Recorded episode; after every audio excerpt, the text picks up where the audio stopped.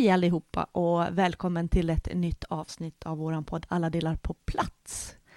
Idag så tänker vi prata om ett ämne som jag tror eh, berör alla fritidshem ute i Sverige. Och det handlar om befattningar på fritidshem. Spännande va? Eller vad säger du Thea? Verkligen. Det är ju något som har kommit upp på tapeten nu. Så det är nog bra att diskutera det tror jag. Ja, alltså här i den kommunen där vi jobbar så har vi ju fått till oss där eh, de kommuner vi har liksom jobbat ut eh, en befattningspalett där de har eh, delat upp olika behörighet eller mm, får olika. Fyra olika, eller hur? Fyra olika, och mm. de tänker jag att vi återkommer till lite grann om en stund. Ja. Um, jag tänker, om jag tänker tillbaks så, så är jag eh, den där gamla sortens fritidspedagog. Mm. Jag gick ju en barn och ungdomspedagogisk utbildning mot lärare i fritidshem. Och, och, och, din titel, vad är det Thea? Som du fick när du gick ut jag utbildningen? Jag är grundlärare inriktning, eller grundlärare mot fritidshem. Ja. Mm.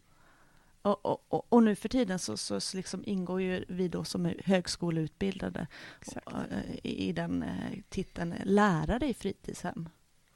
Vilket jag känner nu för tiden är ganska naturligt, men jag har alltid haft den där du vet, hjärtat eh, som fritidspedagog. Oftast när jag beskriver mig själv så säger jag fortfarande fritidspedagog, men det börjar mer och mer hamna lärare i fritidshem. Men eh, som sagt, att vår kommun som vi jobbar i nu har ju liksom tagit fram de här fyra olika befattningarna. Och jag tänkte om jag nämner dem lite kort så är det ju lärare i fritidshem och så finns det eh, eh, lärare med annan behörighet, en annan inriktning. Precis, legitimerad lärare. Mm. Mm. Och så finns det pedagog i fritidshem och assistent i fritidshem. Just det. Eh, och det är ju helt nytt för oss. Och vi vet liksom inte riktigt just nu vad innebär alla de här sakerna. Och det tänkte jag att vi kunde diskutera idag. Och därför har jag bjudit in en, en, en eh, kollega och kompis som eh, jobbar eh, i Sveriges lärare, vårt fackförbund. Välkommen till oss Kiki Björkeng. Tack så mycket. Eh, den kommunen där du jobbar har också jobbat med det här med, med eh, den här befattningspaletten? Ja, vi har jobbat med det här under många år. Vi började precis innan pandemin och sen så bröts det utav det. Arbetet bröts utav det. Och sen har vi tagit upp det nu, så vi är i stort sett framme med en befattningspalett. Och vi jobbar ju i Göteborgsregionen. Så att i våran eh, region så har eh, arbetsgivaren plockar fram ett förslag på en befattningspalett. Och den har vi våra kommuner, både er kommun och min kommun, tagit del utav. Och det är den de har utgått ifrån. För de vill att det ska vara en gemensam palett för fritidshem i regionen för att man ska kunna stötta varandra med de här utbildningarna och utbildningsinsatser. Okej, okay så det är det som är lite bakgrunden till att det har kommit det här, den här paletten? Det kom nog lite grann utav att man startade i förskolan och införde förskoleassistenter. Och det var också något som diskuterades mycket i GR. Och sen utifrån det så, så kom det här. För mig så innebär det jättemånga frågetecken.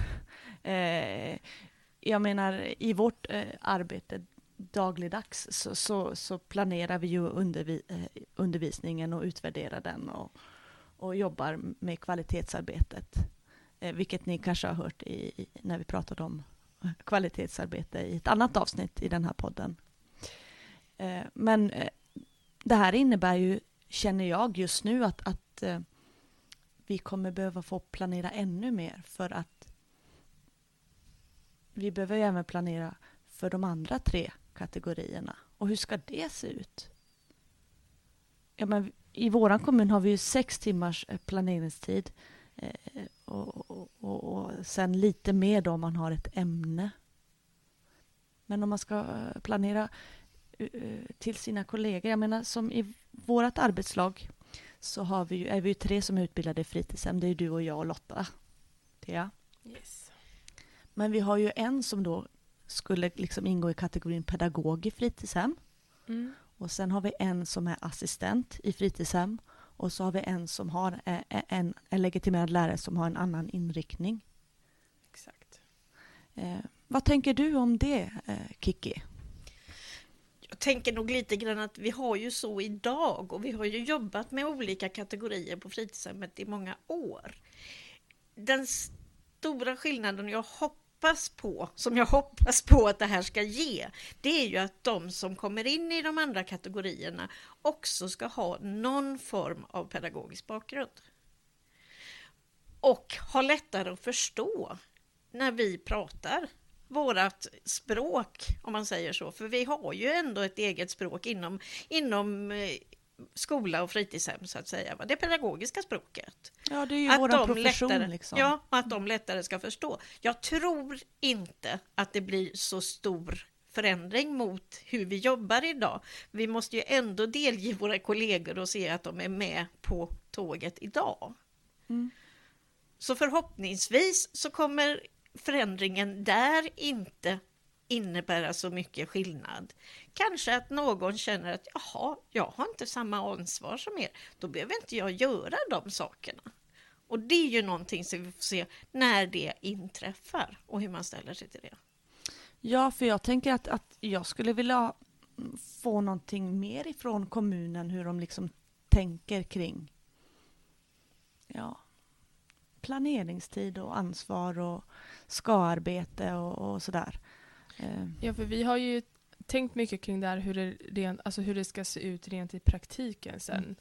Ehm, vi har ju, eller du har ju filat på en liten veckoplaneringsmall. Så att det blir väldigt tydligt vilka aktiviteter och ja, men undervisningstillfällen som vi har eh, planerat för att just att det står att vi som är utbildade till fritidshemslärare, det är vi som ska göra själva planeringen för eh, eftermiddagarna. Ehm, och då måste det finnas väldigt tydligt för de som ska utföra planeringen.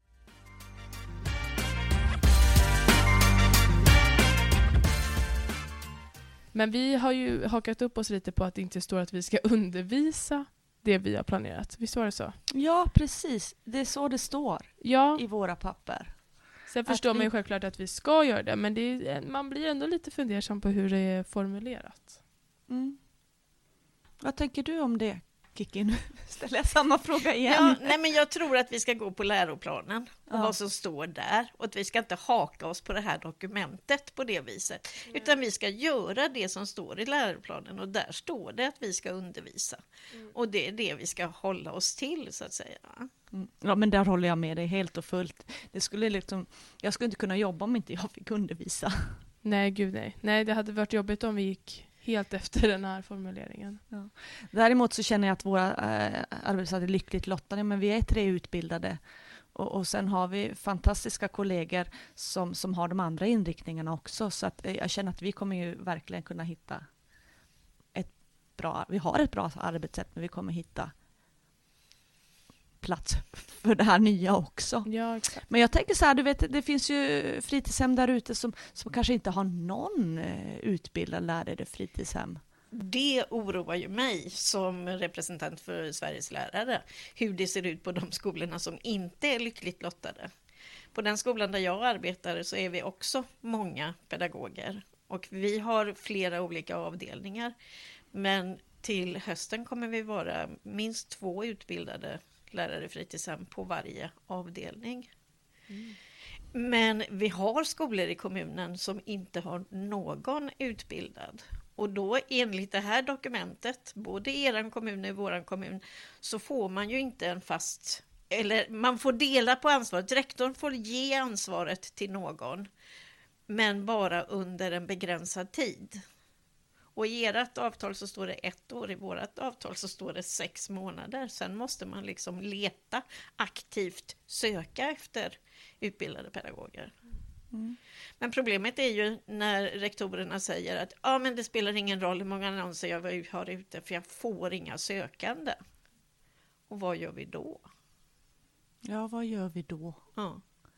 Eh, jag menar, jag har sett annonser i vår kommun där, de har, där det har stått att de letar efter fritidsledare.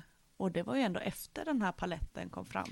Ja, men fritidsledare är en av de utbildningarna som ingår i pedagog i fritidshemmet. Okej, ja men då förstår jag. I, I pedagog i fritidshemmet så från GR sida när den kom så stod det att pedagog i fritidshemmet då ska man ha någon form av minst eh, gymnasiekompetens. Och det kan vara barnskötare. Det stod med att det kunde vara elevassistent eh, eller fritidsledare eller annan pedagogisk utbildning såsom socialpedagog eller ja, liknande. Eh, hos oss har vi fått bort vissa av de här. Vi har fått bort eh, elevassistent. För det är ingen, ingen gymnasial utbildning utan det är en, en ettårig utbildning och det säger vi, det, den vill inte vi ha med. Vi har fått bort eh, specialbarnskötare som också stod med. Det är en utbildning som är en påbyggnadsutbildning till barnskötare. Men den vänder sig till förskolan och till språkutveckling eller funktionsvariationer. Ingenting till fritidshemmet. Den har vi fått bort också. Så att därunder kan det komma in både det ena och det andra och få en fast anställning på fritidshemmet. Mm. Och det är väl det som jag känner att, att det är det som är så himla bra med befattningspaletten. Det är ju att, att vi då ökar våran kompetens.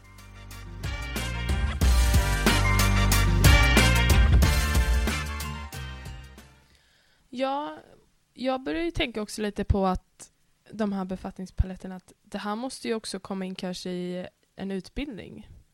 Som när jag, i min utbildning, för det här, fanns ju, det här var ju inget vi pratade om då när jag utbildade mig och jag blev ju klar för ett år sedan. Um, men det här är ju någonting som kommer, alltså det här kommer ju verkligen beröra de som blir legitimerade lärare i fritidshem. Det måste ju ingå i utbildningen på något sätt, att vi, man diskuterar det här eftersom det blir en, ja, men en ytterligare uppgift liksom, och ansvarsområde, tänker jag.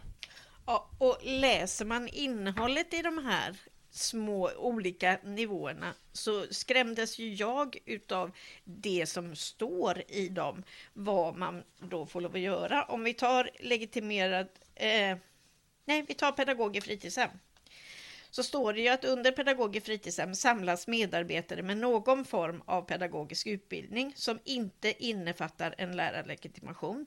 Det kan vara dels pedagogisk utbildning på gymnasial nivå och dels på eftergymnasial nivå. Sen står det lite olika grejer. Sen står det så här. Eh, Pedagog i fritidshemmet ingår i arbetslaget utifrån sin roll som pedagog i fritidshem och förväntas bidra till systematiskt kvalitetsarbete i fritidshem. Exempel på andra uppdrag och andra ansvarsområden för pedagog i fritidshem är att vara aktiv i att informera och föra dialog med elev elevers vårdnadshavare. I uppdrag kan även eh, APL-handledare ingå. Och då ifrågasatte vi lite grann det här att det står så uttalat att man ska föra dialog med föräldrar. Det finns säkert många av dem som kan föra dialog, men det är ju viktigt, speciellt med de här specialbarnen, hur man pratar med de föräldrarna. Det har hänt saker på dagen, men vi säger det, vi med utbildning, om jag, om jag klassar och så, så att säga, tänker ju oftast efter hur man pratar med föräldrar har man inte den grundutbildningen så kanske man inte gör på det viset. Därför var det en sån sak som jag reagerade väldigt starkt. Varför ska det stå med i detta dokument? Ja, faktiskt. Spännande. Där fick jag en liksom, liten aha. Ja, men det är därför vi är tysta. Vi får lite, man blir fundersam och ja. tänker mycket. Ja. ja. Men det, jag håller med. Mm. Ja, jag tänker att vi avrundar lite grann här det här avsnittet. Ja. Och tackar dig Kiki för att du ville komma hit och vara med. Tack. Jag tänker att sista ordet är inte sagt om de här paletterna.